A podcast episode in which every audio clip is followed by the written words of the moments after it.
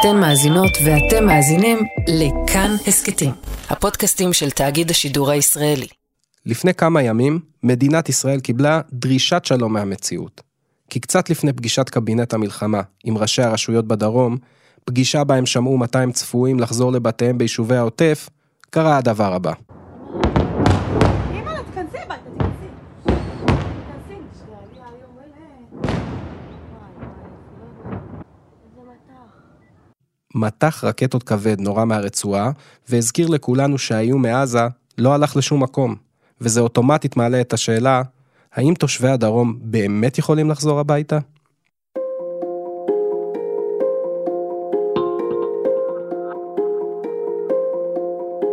שלום, אתם על עוד יום, הסכת האקטואליה של כאן. אני יותם רוזנבלד. היום אנחנו הולכים לדבר על מפונים. אזרחים שהפכו לפליטים בארצם, ועכשיו חלקם מתבקשים לחזור הביתה.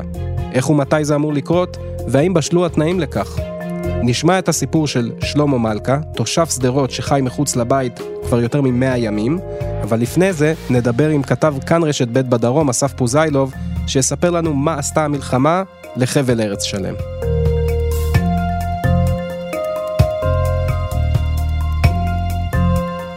שלום אסף פוזיילוב. שלום. בוא נתחיל מהעובדות אסף. כמה תושבים פונו בדרום הארץ מאז תחילת המלחמה ב-7 באוקטובר? תן לנו בעצם את המספרים. טוב, זה מאוד פשוט, בעצם כל העוטף, 60 אלף איש. אל איזה יישובים אנחנו מדברים? ככה למי שלא חי את הדרום כמוך, שיהיה לו ככה בראש את השמות. מדברים ממש על כל העוטף עשרות יישובים. אה, שדרות זו העיר הגדולה, המרכזית ובעצם היחידה, וכל גבול הרצועה הוא 60 קילומטר, אז כל היישובים שלאורך 60 הקילומטרים האלה, לרוחב של עד 7 קילומטרים, אנחנו מדברים מנתיב העשרה וזיקים עד לסופה ויתד והרבה מאוד יישובים. זאת אומרת, כל עוטף עזה, כל הקיבוצים, כל המושבים והעיר שדרות, ריקים מאנשים כבר uh, כמה חודשים. אז זהו, התחילו קצת לחזור, אבל באמת בכמויות uh, מאוד קטנות. Uh, למושבים, uh, גם לשדרות, למעט מאוד קיבוצים, אבל שוב, גם אלה שחזרו הם באמת באחוזים מאוד מאוד נמוכים. שלושה חודשים וחצי אחרי שבעה באוקטובר, איך בעצם המדינה מטפלת במפונים? אז תראה, אז נחלק את זה לשני קטעים. המקטע הראשון זה הפינוי המיידי שהיה. זו בעצם תוכנית שבאה אחרי צוק איתן כתוצאה מהמחדל ההוא. אני מזכיר, גם אז היה מחדל, והוא גם נבדק על ידי מבקר המדינה. אמ, אנחנו קראנו אז לצוק איתן מלחמה, גם כמעט בעשור האחרון, זה היה הסבב הכי עצים מול עזה, וזו בהחלט הייתה מלחמה, עד שהגענו לסבב הזה, וזה כאין וכאפס. אז אחרי צוק איתן הייתה תוכנית פינוי, אבל אה, כשהגיע הזמן להפעיל אותה עכשיו, היא לא ממש פעלה. כמו שהיא הייתה אמורה לפעול. לדוגמה, תושבי שדרות, העיר, שהייתה תוכנית לפנות אותה, המדינה הפעם החליטה שלא מפנים אותם. זה לא נתפס, נכון? הרי היו שם עשרות מחבלים, mm-hmm. פרצו לבתים, פרצו לתחנת המשטרה גם, רצחו שם אנשים ברחובות. הוא עדיין חי! הוא צועק עליו אחרון, עוד פעם! חייב! תוריד את החנה! הנה, הוא פה! הנה, יש פה שתיים! אנשים חיים בתוך אזור מלחמה, אני חושב מהקשים אה, בעולם כרגע, ועדיין המדינה, הממשלה, החליטה לא לפנות אותם. רק אחרי לחץ ציבורי, הם בעצם הפעילו את התוכנית שגם היא אה, יצאה באיחור כתוצאה מצוק איתן, ופינו אותם. אבל גם אז אמרו להם, אנחנו מפנים אתכם רק לעשרה ימים, שאנחנו מסתכלים על זה בדיעבד, וגם בזמן אמת, עשרה ימים זה מספר מגוחך. של ימים לפנות אנשים מהעיר שדרות. בזמן, אני מזכיר לך, תחילת המלחמה הייתה כתישה אווירית אה, גם של חיל האוויר, וגם, לא נעים להגיד, גם כתישה של חמאס את ישראל בכמויות אדירות של רקטות, ותושבי שדרות יושבים בתווך, ושוב, וזה חוזר על עצמו, אחרי חודש בערך אומרים להם, אנחנו מחליטים שאתם תחזרו, והם מסרבים ובצדק, ואז נותנים להם עוד הארכה עד ה-31 בדצמבר, ושוב קמה צעקה ציבורית מוצדקת לחלוטין. אגב, זה גם נכון כלפי הקיבוצים, גם הם היו אמורים לחזור ב-31 בדצמבר. שוב צעקה ציבורית, ואז מחליטים להאריך את זה עד אה, סוף פברואר, כשבתווך פשוט מתעללים באנשים האלה, אה, אני חייב לומר. זה התחיל מחוסר תפקוד מוחלט, מופקר, אפילו פושע, של כל משרדי הממשלה כמעט. לא סיפקו את הצרכים הבסיסיים של התושבים האלה, אם זה מלספק להם אוכל, לשנע אותם, תרופות, לשנע אותם לטיפולים רפואיים. מי שעשה את זה, זה רק אנשי החברה האזרחית, אנשים שפשוט עזבו הכל, או תרמו כסף, הרבה מאוד כסף, או פשוט הגיעו בעצמם, או הקימו כל מיני חמ"לים, המדינה פשוט לא הייתה. עכשיו, mm-hmm. תגיד, אוקיי, אז היה מחדל אזרחי מאוד מאוד גדול. עם הזמן, עם החודשים אה, שעברו, זה בהחלט השתפר, אבל המחדל עצמו עדיין נמשך בצורה שהיא פשוט לא נתפסת. אה, להחזיר לכאן ילדים עם אנשים, מה שהם חוו כאן, זה מטורף. הרי אני אומר, גם כשזה ייגמר, יכריזו שזה ייגמר, הפחד כל כך חדר לאנשים, זה כל כך כאן, שאני לא יודע אם ייתנו לילדים בכלל לרדת למגרש משחקים אפילו. זה מתחיל מזה שאומרים לתושבים כבר כמה פעמים, תחזרו לבתים שלכם, בזמן שהבתים שלהם באזור מלחמה, mm-hmm. בזמן שאין בתי ספר לתלמידים ללמוד, אז לאן בדיוק הם יחזרו? בעצם כרגע אין בשדרות אה, מערכת חינוך פועלת? בשדרות מערכת החינוך כמעט ולא פועלת, התלמידים וההורים שלהם כמעט ולא נמצאים בעיר, יש אחוז מאוד מאוד קטן של תושבים. בכל האזור אין מערכת חינוך, אה, מלבד שני קיבוצים שעשו איזשהו אלתור, שזה דורות וברור חיל, שהם מרוחקים יותר משבעה קילומטר, והם פתחו לעצמם אה, מתחם לימוד מאולתר בכל קיבוץ, ואתה בטח יכול להבין, הרי אין מספיק תלמידים בכל קיבוץ כדי mm-hmm. למלא כיתה אחת אפילו. Mm-hmm. אז הם פשוט, כל התלמידים לומדים בקבוצות גדולות, ולא באמת לומדים, זה מעין איזה אלתור עם מורות חיילות. זאת אומרת, זה יותר איזה מסגרת להחזיק את הילדים מהאזור הזה, ולאו דווקא ממש בית ספר שאתה יודע, עם מטרות חינוכיות מוגדרות, כאילו. נכון, זה בעצם פשוט להחזיק אותם, סוג של בייביסיטר אה, משודרג נקרא לזה. הם לומדים, אבל בטח לא כחלק ממערכת חינוך כמו שמערכת חינוך אמורה להיות. ושוב, אנחנו מדברים רק על שני קיבוצים. כל השאר בעצם לומדים במקומות שעליהם הם פונו, שזה מאילת בדרום ועד אה, חדרה וטירת הכרמל בצפון. ובהקשר הזה של החינוך ניתן לו דוגמה להתנהלות שהיא פשוט מנותקת ואפילו מבזה את התושבים, אני חייב להגיד. ב-27 בדצמבר, הודעה של שר החינוך שנופלת עליהם כרעם ביום בהיר בלי שאף אחד בכלל טרח לדבר איתם או לשאול אותם אם זה אפשרי, ושר החינוך יואב קיש מודיע למועצות שלא רק התלמידים אוטוטו חוזרים ללימודים, גם ההורים שלהם חוזרים אה, לקיבוצים ולשדרות. אין לאף אחד מושג על סמך מה הוא החליט את זה על דעת עצמו.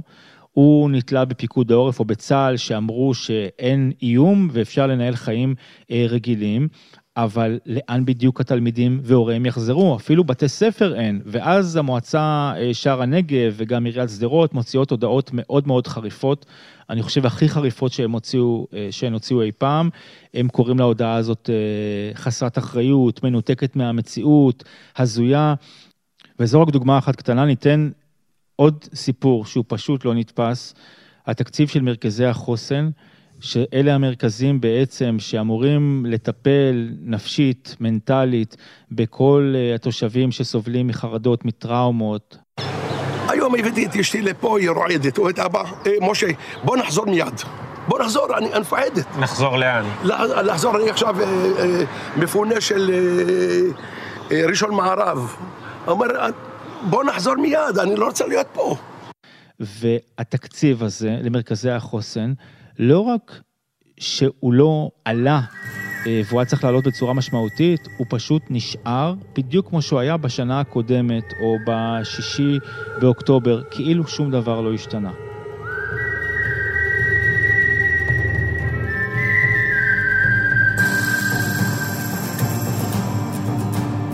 אז לפני כמה ימים באמת הייתה פגישה של ראשי הרשויות עם קבינט המלחמה. אנחנו נחושים אה, לשקם את היישובים והקיבוצים למה שקרוי עוטף עזה, להחזיר את התושבים לבתיהם ולהביא לשגשוג ופריחה הרבה מעבר למה שהיה לפני המלחמה. לצורך זה אנחנו צריכים קודם כל להשיג ניצחון על החמאס, אבל גם uh, לעשות את הפעולות האזרחיות הנדרשות. פגישה שבעצם, לפי מה שאנחנו מבינים, דובר שם על תאריכי החזרה ואיך תתנהל החזרה לבתים, אז אם תוכל לספר לנו מתי מתכננים באמת להחזיר אנשים הביתה, את כל הערים, את כל היישובים, את כל הקיבוצים שם בעוטף עזה. תראה, כרגע מדובר על 29 בפברואר, אבל במועצות אומרים זה ממש לא הולך לקרות. לפני חודש ניסו לדחוף את האנשים והפעילו עליהם הרבה מאוד לחץ, גם מצד הצבא וגם מצד הממשלה. הממשלה החליטה גם החלטה שלא קשורה למציאות שהם יכולים לחזור. אחר כך אה, הצבא הודיע שהם יכולים לחזור, אחר כך אמרו שיש מענק חזרה למי שרוצה לחזור. נכון. 200 אה, שקל לכל מבוגר, 100 שקל לכל ילד. זה היה לפני חודש, הם עדיין לא קיבלו לינק כדי להירשם למי שרוצה לקבל את המענק. זאת אומרת, בלבול מוחלט, אם נשים אפילו בצד שהמענק הזה פשוט לא רלוונטי כרגע, כי אין לאן לחזור, אין לימודים, ואי אפשר להגיד לאנשים תחזרו כשאין בתי ספר לילדים שלכם. אז אם תוכל בתור uh, כתב דרום באמת לתאר לנו מה בעצם המצב שם ביישובים ובקיבוצים ובשדרות, בכל המקומות סביב עוטף עזה, איזה שירותים האזרח יכול לקבל שם, איך המקומות האלה נראים היום אחרי כל הלחימה וההפגזות שהיו שם. תראה, רובם עדיין יישובי רפאים, זאת אומרת, יש מעט מאוד שירותים, כי יש מעט מאוד אנשים שנמצאים שם. יש חלק מהיישובים שהתחילו לחזור, אה, למשל הקיבוצים גברעם ומבקיעים, בני נצרים, נווה, חלק מעין הבשור, אבל מדובר בכמויות מאוד קטנות של אנשים, ומה שמטריף בסיפור הזה באמת, שמעולם בתולדות מדינת ישראל לא פונו כל כך הרבה יישובים, גם בצפון וגם בדרום, זה משהו כמו 150 אלף איש. בזמן שזו הממשלה הכי גדולה בתולדות מדינת ישראל. יש המון משרדים מומצאים, יש עשרות ח"כים נורבגים וסגני שרים, כל שר מקבל 50 אלף שקלים בחודש, כל חבר כנסת 40 אלף שקל, ובמקום שכמה מהם ייקחו את אחד הנושאים האלה ויטפלו בהם, כי הם מקבלים משכורת מאוד מאוד יפה כל חודש, והם אנשי ציבור, וזה הנושא היחיד שעל סדר היום כרגע, לא רק שהם לא עושים את זה, אם תשאל את המפונים, את ראשי המועצות, את החקלאים, את המילואימניקים, כמעט אף אחד מאישי הציבור האלה, משרתי הציבור, לא הגיע לבקר אותם או לא סייע להם. כשלהם לא נותנים את הכסף מצד אחד, לא לטיפולים הנפשיים למרכזי חוסן למשל, רק מקצצים במשרד הבריאות בצורה מאוד משמעותית, ובמשרד הרווחה, במשרד החינוך, מהבריאות כ-400 מיליון שקל שנעלמים, מהרווחה כ-100 מיליון שקל. אלה כספים שמאוד מאוד נדרשים לאנשים האלה כדי לשקם את החיים שלהם, אפילו לא רק עכשיו. מה שלא יטפלו בו עכשיו יכול להפוך לטראומות. או חלילה למחלות נפשיות שאי אפשר יהיה לטפל בהן או שיהיה מאוד מאוד קשה. בזמן שזה קורה, יש לנו שר בשם אה, השר לענייני חוסן לאומי, נגב וגליל, יצחק וסרלוף, עם בעיית החוסן הכי גדולה מאז קום המדינה. הוא מקבל משכורת, יש תקציב למשרד שלו. אנחנו ממשיכים במחדל האזרחי הכי גדול מקום המדינה, ואומנם יש איזשהו שינוי, אבל השינוי הזה בא אחרי הרבה מאוד זמן, והוא עדיין לא מתחיל להיות השינוי האמיתי, ובאמת מה שמדאיג יותר מכל, זה אלה הקיצוצים המאוד מאוד משמעותיים, דווקא עבור האנשים שכל כך צריכים את זה, שהפקירו אותם בצורה הכי מחרידה שיכולה להיות, ולא זורקים עליהם את הכסף שראש הממשלה אמר שיש את הכסף ולאף אחד לא יחסר הכסף, זה עוד לפני שדיברנו על המילואימניקים ועל הדברים שהם לא מקבלים ועל החסכונות שעושים עליהם. אבל אחרי שהוא אמר שיש לכולם כסף, פתאום מסתבר שלא, הוא התכוון לדבריו רק לתקציב הקודם, שהסתיים חודש אחרי שהוא אמר שיש כסף. תגיד לי, אסף, אם בעצם יש כוונה של הממשלה כבר עכשיו להתחיל להחזיר אנשים הביתה, האם זה אומר שלא יהיה יותר מימון למי שיגיד, אני לא יכול לחזור לעוטף עזה, בגלל מה שראיתי, בגלל המצוקות שחוויתי שם? האם המדינה בעצם תפסיק לשלם לבתי הערכה והמלונות בהם שוהים מפוני עוטף עזה? זו הכוונה כרגע, לשלם להם עד סוף חודש פברואר, אמ, אבל ראשי המועצות כמובן מבקשים, והם ביקשו מראש הממשלה לפני כמה ימים, להאריך את זה עבור מי שמעוניין. אם אנשים רוצים להישאר במקומות האלה, אם כדי לאבד את הטראומה, לכן מבקשים שמי שרוצה להמשיך ולהישאר איפה שהוא נמצא, שעדיין יקבל תשלום, אבל זו שאלה מאוד גדולה, כי אנחנו רואים עכשיו שהקיצוצים בתקציב, במיוחד בדברים האלה של הרווחה, של החינוך, של הבריאות, הם מאוד משמעותיים. לקראת סיום אסף, אני רוצה הערכה שלך. האם המהלך הזה להחזרת אנשים לבתים בעוטף עזה בדרום יצליח, ובאמת לקראת סוף פברואר רוב האנשים יחזרו לבתים, או שבעצם אותם מפונים הולכים להישאר במצב הזה גם עוד חודשים רבים? אני לא חושב שמישהו יכול אה, לענות על זה בצורה חד משמעית, כי אנחנו באמת לא יודעים מה יהיה בעוד חודש אה, או חודש וחצי עם המלחמה הזאת. כרגע במועצות אומרים, זה לא יקרה, אבל אף אחד לא באמת יודע. מה שאני חושב הרבה יותר מדאיג, זה שאם נאבד את כל האנשים האלה, זאת אומרת, יחזרו לבתים שלהם, נגיד וזה אכן יקרה, אבל מבחינה נפשית, יהיה מאוד מאוד קשה להחזיר הרבה מאוד אנשים בחזרה לחיים, ובינתיים אנחנו לא רואים שהמדינה עושה את הצעדים המתאימים כדי לטפל באנשים האלה, שכל החיים היו אנשים יצרנים ששילמו הרבה מאוד מיסים, וברגע האמת הם פשוט גילו שהמדינה לא רק הפקירה אותם פעם אחת, היא עדיין ממשיכה לא לתת להם את היחס המתאים.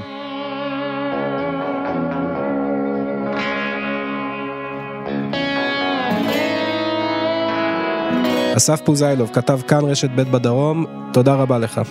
תודה רבה.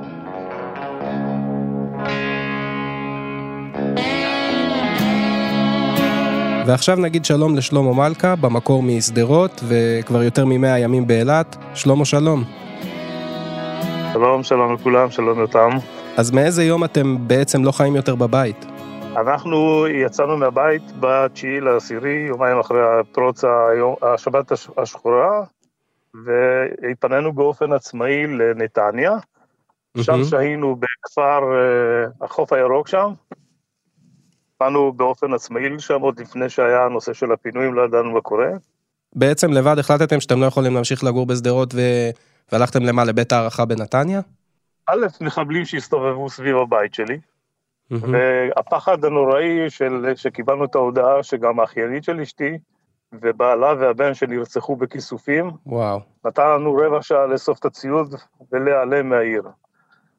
כשהתחלנו לצאת היו גם כמובן פיצוצים של הקסאמים מעלינו, ליוו אותנו ג'יפים ליציאה, ומשם אנחנו, כמו שאתה שומע, התאדינו מהעיר, לא יודעים לאן לנסוע.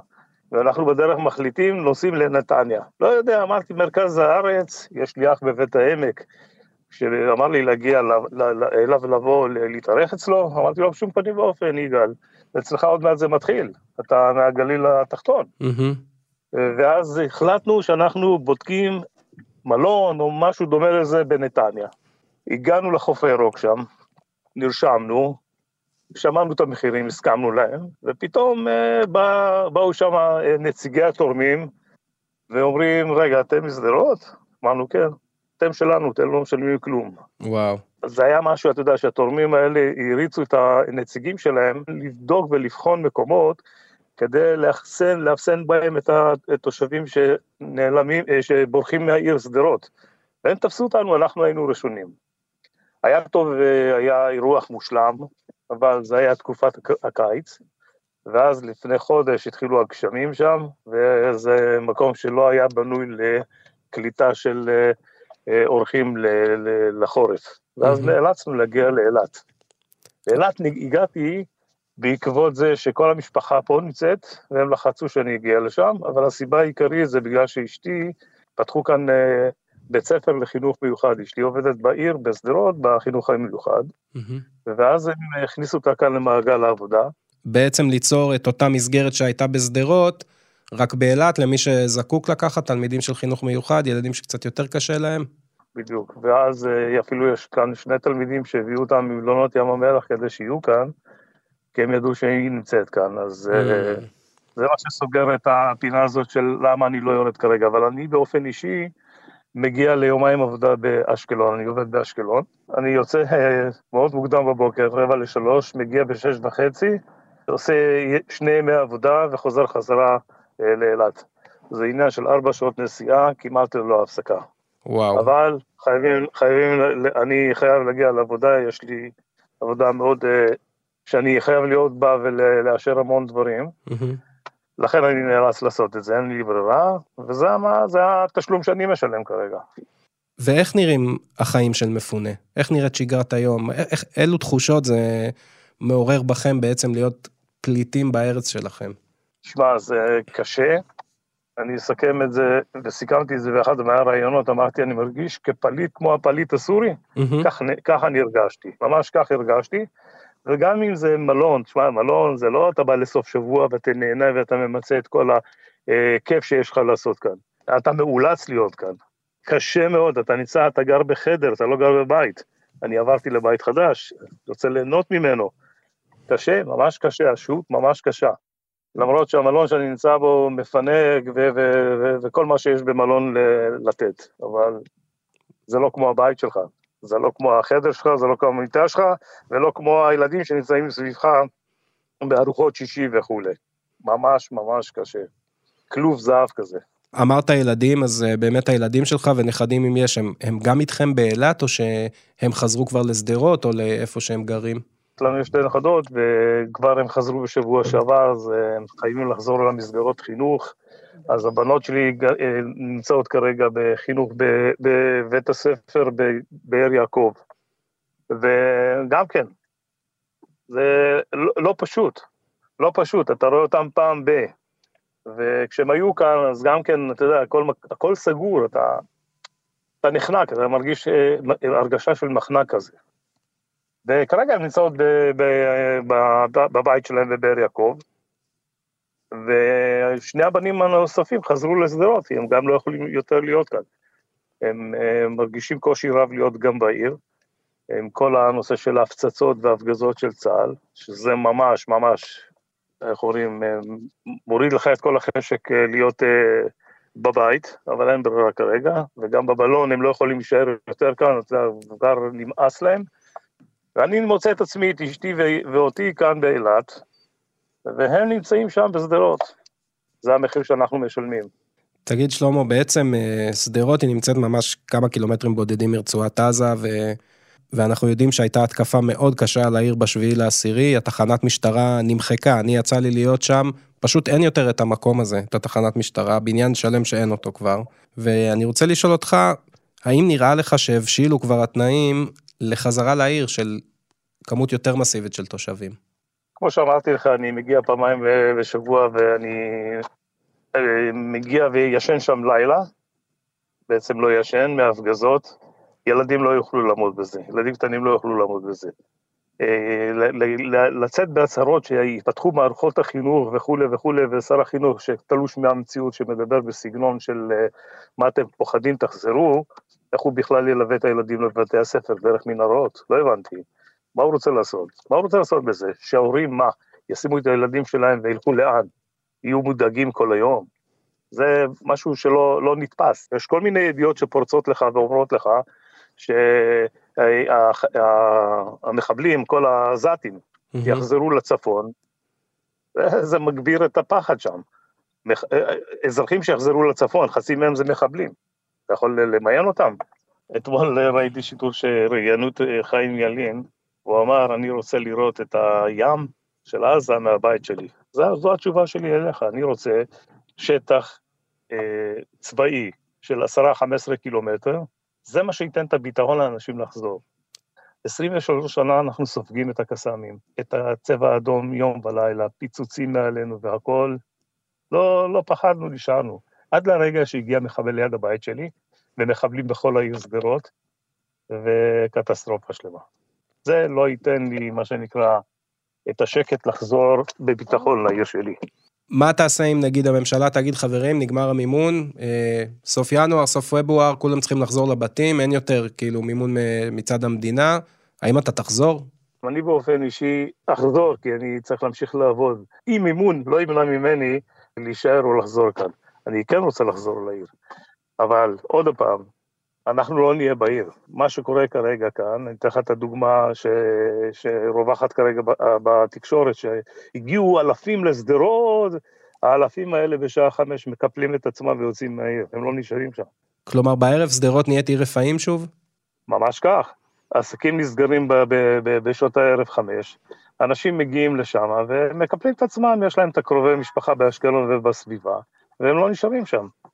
אני נוסע בעיר, מנסה לתת זכות קדימה למישהו, אין למי לתת זכות קדימה, אני נוסע לבד בכבישים. אז לבוא ולהגיד שיש 5,000 או 7,000 אנשים שחזרו לעיר, אולי ברישוי הם חזרו.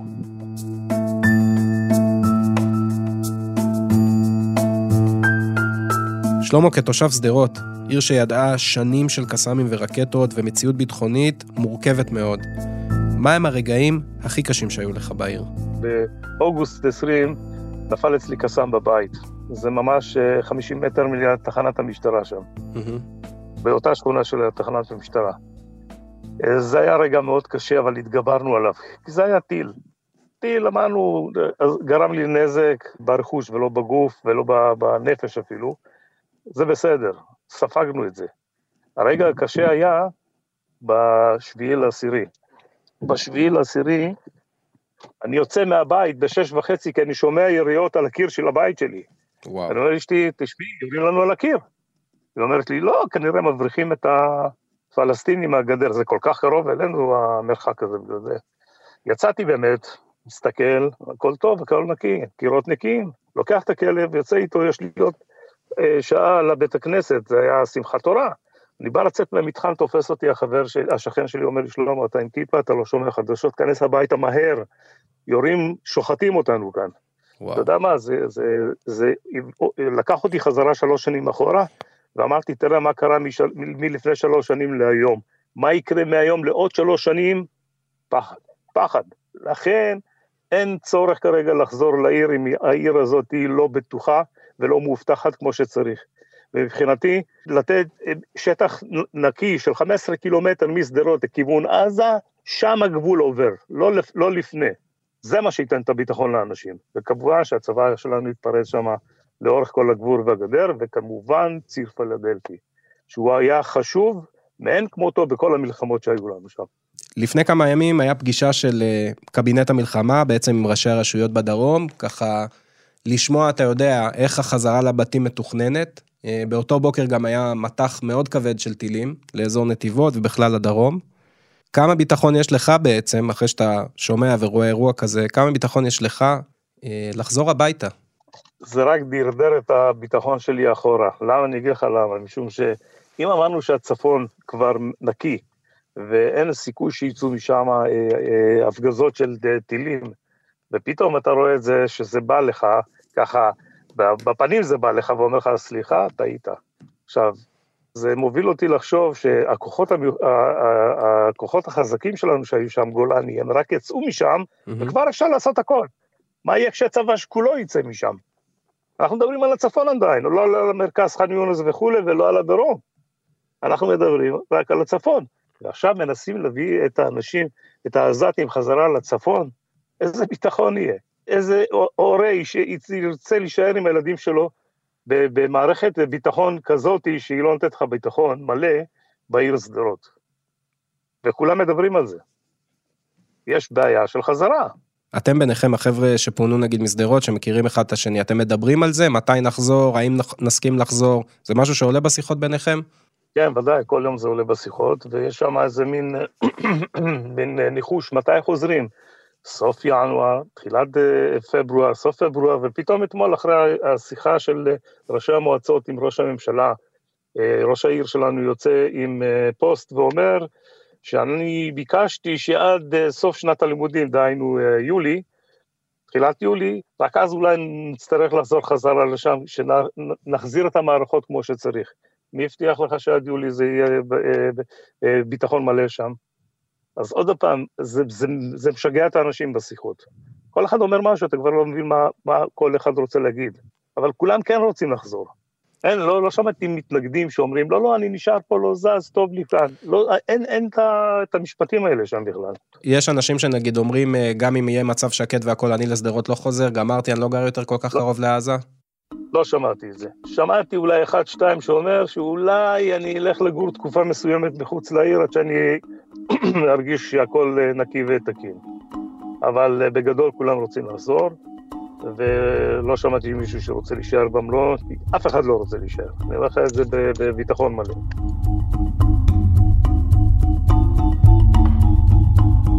שלמה, מה אני יכול לאחל לכם, למפונים? שנחזור בשלום הביתה, ושיהיה ביטחון, ושעם ישראל יחזור לימים שלפני השביעי לאוקטובר, אבל בתקופה שחווינו אותה בשלושה חודשים באחדות בעם, באהבה של העם, שזה יימשך. זה מה שאני רוצה שיימשך.